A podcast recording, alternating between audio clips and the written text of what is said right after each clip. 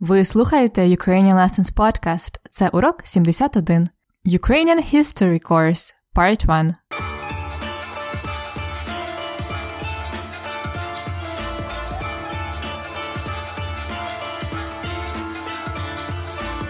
Добрий день, це Анна, вчителька української, і я рада вітати вас на уроці 71 подкасту Уроки української. Сьогодні ми розпочинаємо новий розділ подкасту, можна навіть сказати нову книгу, бо цей урок і наступні до кінця сезону це цілий курс історії України. Короткий курс історії України. Таким чином, ви зможете слухати набагато більше української, вивчати ще більше слів, а також дізнаватися багато нового про історію. Сподіваюся, вам сподобається. Спочатку я хочу подякувати нашому історику, який допомагає писати коротку історію України для вас. Його звати Дмитро Заєць.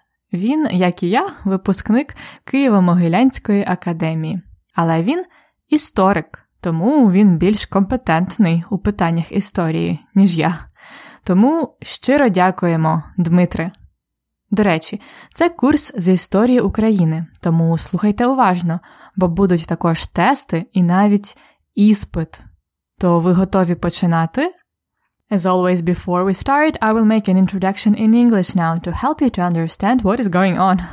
Today we start a new chapter of the podcast, or even the whole new book. From this lesson and almost until the end of the season, we are having Курс історії України, Ukrainian History Course. Короткий курс, a short one, of course. In this way, you will be able to listen to much more Ukrainian, learn more new words, and discover many things about Ukrainian history, of course. In my intro in Ukrainian, I said thank you, дякую, to our historian, who is helping me to compile this course. Його звати Дмитро Заєць. He graduated from the same university as me, the most awesome one in Ukraine. But he got his degree in Historia, history, so he's definitely more competentny than me.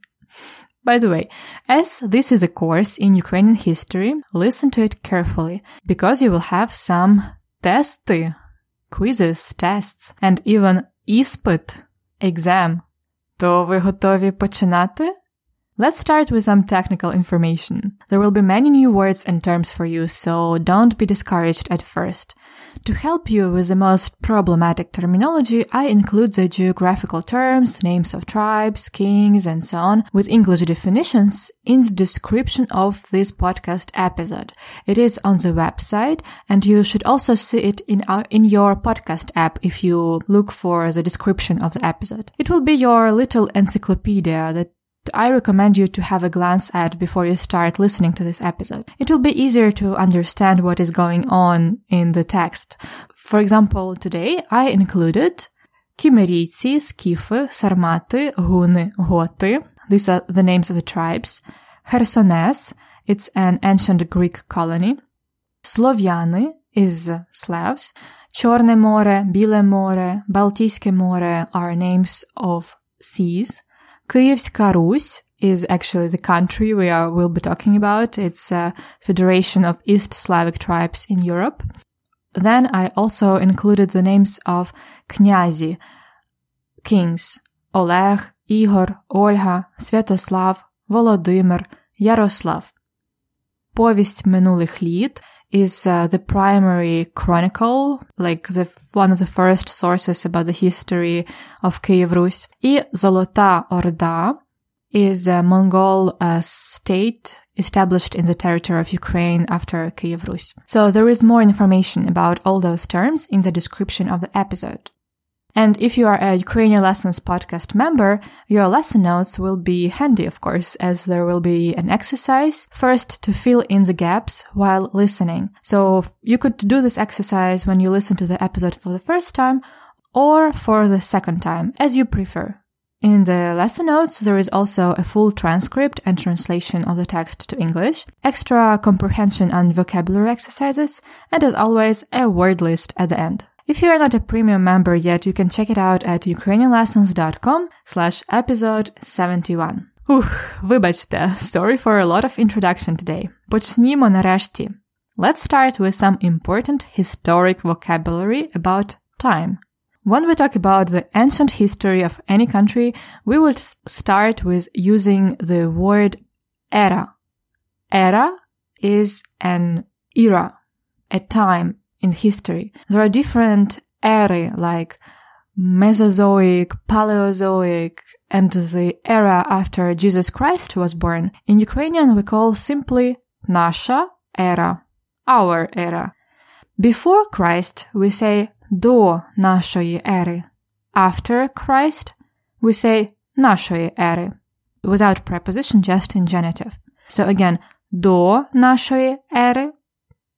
We abbreviate it as до and е. І нашої ери. We usually spell it just like N-E. Another term is століття. Century. Століття. We use the ordinal numbers to talk about століття, just like ours. Remember? Перше століття, перше століття нашої ери, друге століття до нашої ери. Яке зараз століття? Зараз 21 століття. Століття is neuter. А який зараз рік? Зараз 2018 рік. We use ordinal numbers with both століття і роки years. Pay attention that when the ordinal number has multiple words, only the last one is actually ordinal. Others are just normal, like 2018 рік, 1991 рік. To say in 1991 use місцевий відмінок, but also only for the last part of the number. У 1991 році. У 1991 році Україна стала незалежною. Independent. That's a lot of numbers. There are many ери, століття, роки, in history. That's why I hope uh, during this course you will master using them. А зараз ваш перший урок з історії. You will listen to it in three chunks with my comments in between. Слухайте першу частинку.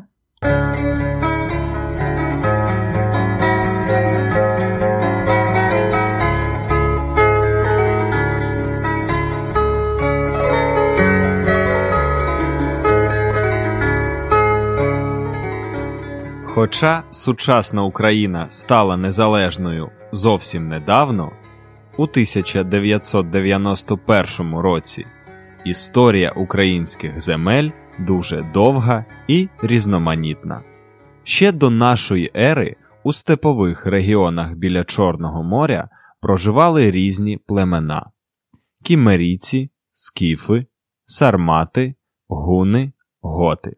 У 7-6 століттях до нашої ери на узбережжі Чорного моря з'явилися давньогрецькі колонії. Наприклад, в сучасному Севастополі можна побачити руїни античного міста Херсонеса.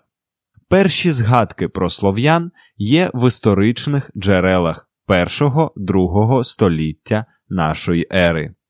У VI столітті східні слов'яни жили на великій території між Чорним, Білим і Балтійським морями. In this first part, the author talks about Історія українських земель, the history of Ukrainian lands, земель, до нашої ери, BC. He says, Історія українських земель дуже довга і різноманітна. The history of Ukrainian lands is very long and diverse різноманітна.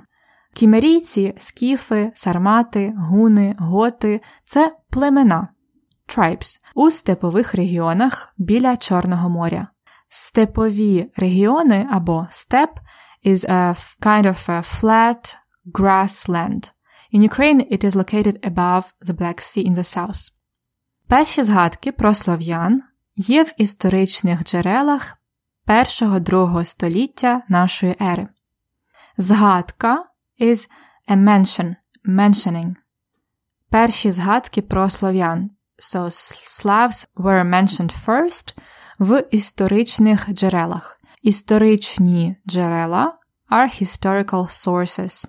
То перші згадки про слов'ян є в історичних джерелах першого-другого століття нашої ери.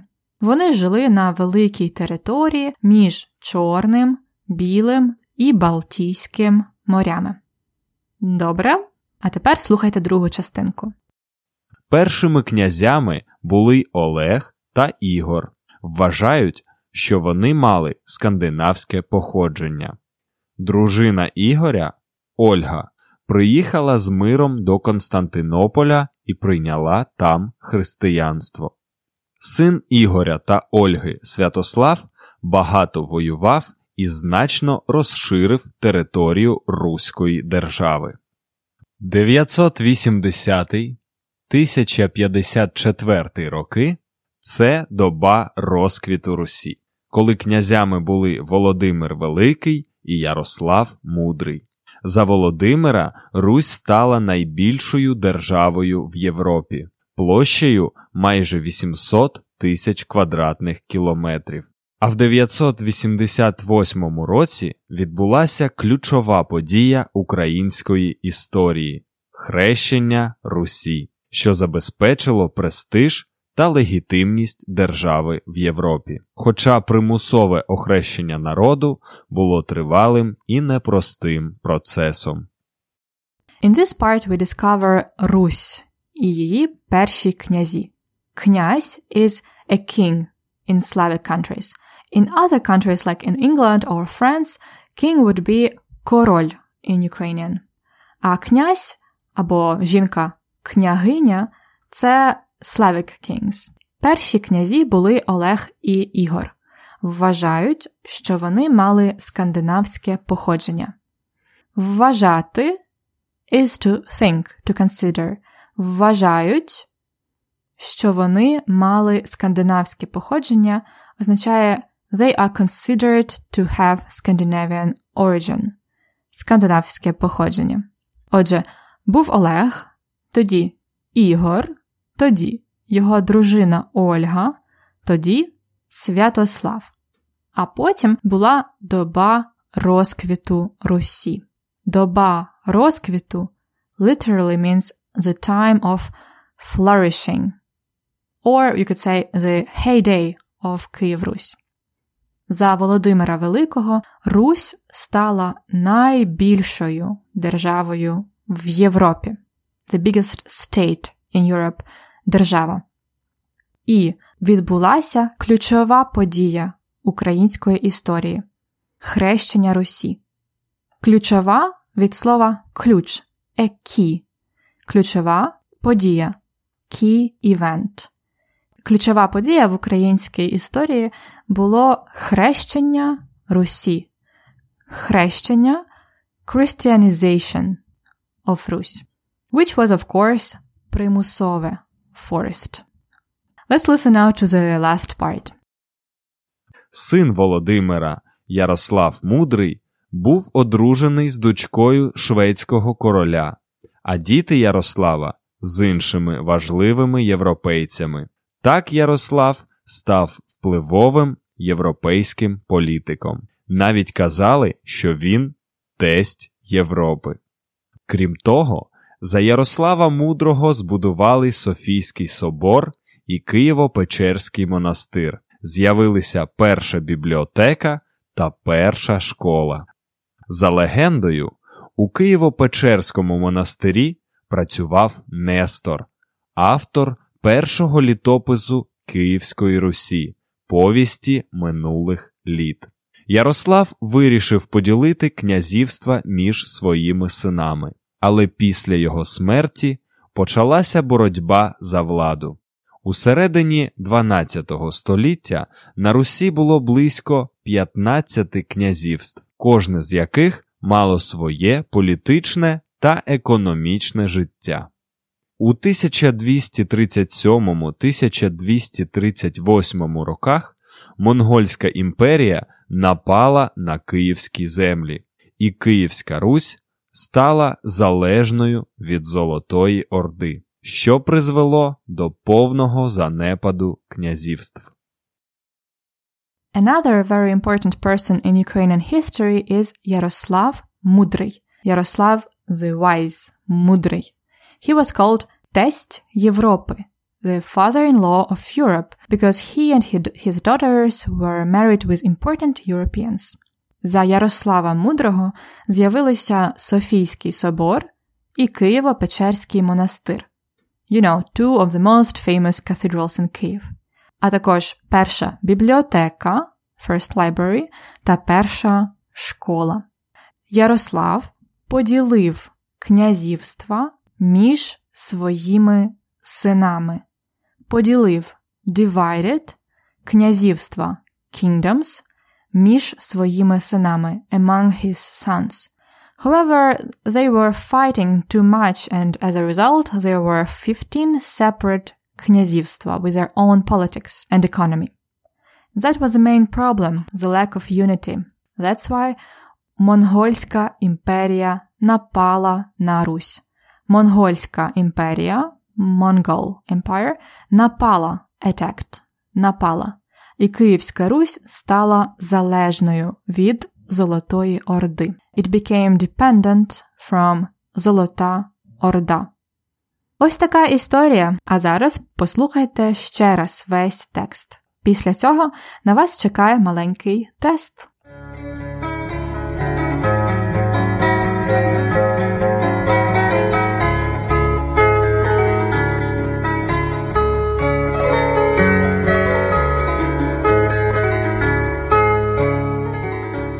Хоча сучасна Україна стала незалежною зовсім недавно, у 1991 році історія українських земель дуже довга і різноманітна.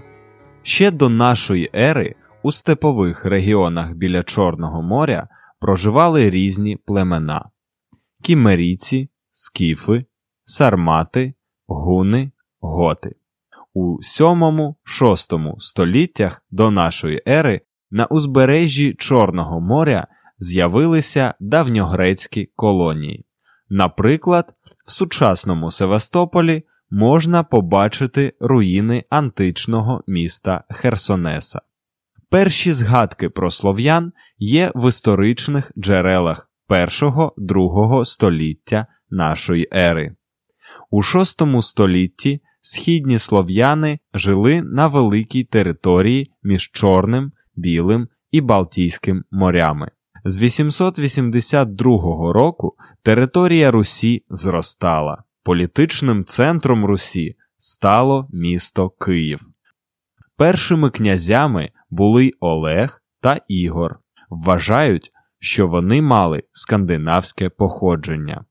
Дружина Ігоря Ольга приїхала з миром до Константинополя і прийняла там християнство. Син Ігоря та Ольги Святослав багато воював і значно розширив територію Руської держави. 980 1054 роки це доба розквіту Русі, коли князями були Володимир Великий і Ярослав Мудрий. За Володимира Русь стала найбільшою державою в Європі, площею майже 800 тисяч квадратних кілометрів.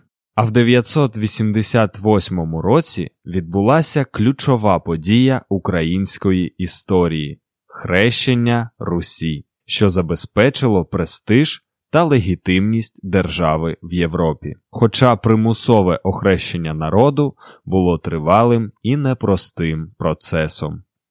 Син Володимира Ярослав Мудрий був одружений з дочкою шведського короля, а діти Ярослава з іншими важливими європейцями. Так Ярослав став впливовим європейським політиком. Навіть казали, що він тесть Європи. Крім того, за Ярослава Мудрого збудували Софійський собор і Києво-Печерський монастир. З'явилися перша бібліотека та перша школа.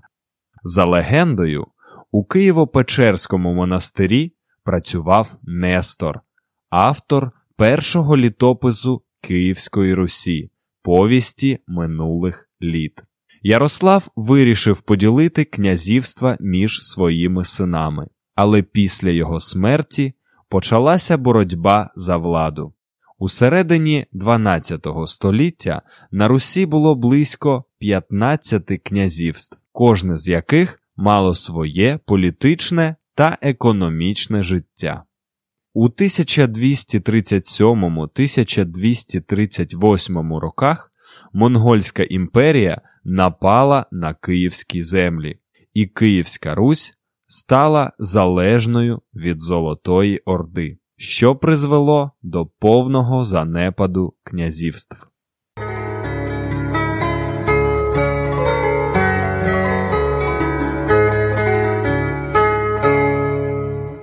А тепер тест. I will ask you three questions and give you the options. You try to answer out loud. Добре? Запитання 1. Коли історики знаходять перші згадки про слов'ян? Коли історики знаходять перші згадки про слов'ян? А.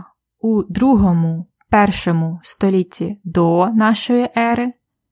Б у першому другому століттях нашої ери, В. У четвертому столітті нашої ери. Правильна відповідь Б. У першому другому століттях нашої ери. Як звати сина Ігоря та Ольги? Як звати сина Ігоря та Ольги? А. Святослав, Б. Володимир, В. Ярослав. Правильна відповідь А. Святослав. Святослав це син Ігоря та Ольги. І запитання 3. Хто зробив великий внесок? Зробити великий внесок to make a big contribution. Внесок. Хто зробив великий внесок в архітектуру Києва? Хто зробив великий внесок в архітектуру Києва? А. Володимир Великий, Б. Ярослав Мудрий, В. Княгиня Ольга. Правильна відповідь Б. Ярослав Мудрий. Він е, побудував Софійський собор і Києво-Печерський монастир. Добре, сподіваюсь, ви вивчили щось цікаве сьогодні. You can also find more comprehension and vocabulary practice in the lesson notes of the today's episode.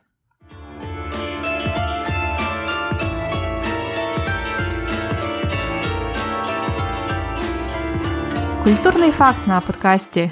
In our traditional cultural fact section, I will be talking briefly about one controversial question in the history related to our topic. Talking about Kievska Rus and earlier times in history, it's hard to state facts as the only true ones, because we simply don't have objective evidence, historical resources. Even the first written resources about Slavs like Povest Minulých Lít were written by the request of the kings, kнязи, and were approved by them. Of course, there were no media like internet to compare options. So, for example, when we talk about хрещення Русі, Christianization of Rus, just uh, by one word of Volodymyr Великий, it wasn't probably done just in one day, neither in a year or century. In the parts of the modern Ukraine, back then there were many язычники, pagans, and the community was very strong. it took hundreds of years and a lot of force to convert them to Christianity. Also, the story of Kiy, who created Kyiv, is legendary as there is no historical evidence about that. Even though the history can be sometimes fictional or missing things, it's still a big part of our identity. That's why I hope you will like this course. У вас є питання? I plan the last episode of the season 2 to be a Q&A session where you ask me questions and I answer. If you have any question about Ukrainian language or culture or if you need some tips about traveling in Ukraine or learning a language, record your question in any format. It is easy to do with just a phone and send it to me to question at ukrainianlessons.com. Don't forget to say your name and where you are from in your recording. It's of course better if you do it in Ukrainian, but English is fine too. Send your question to me to question at ukrainianlessons.com.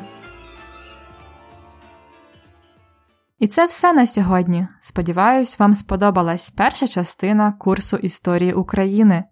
Remember, you can find some important terms on the page of today's episode at ukrainianlessons.com slash episode 71. There you can also find out how to receive the lesson notes with the transcript of the introduction and the full text about history, the translation to English, exercises, and the word list. It's ukrainianlessons.com slash episode 71. До наступного уроку історії. До побачення!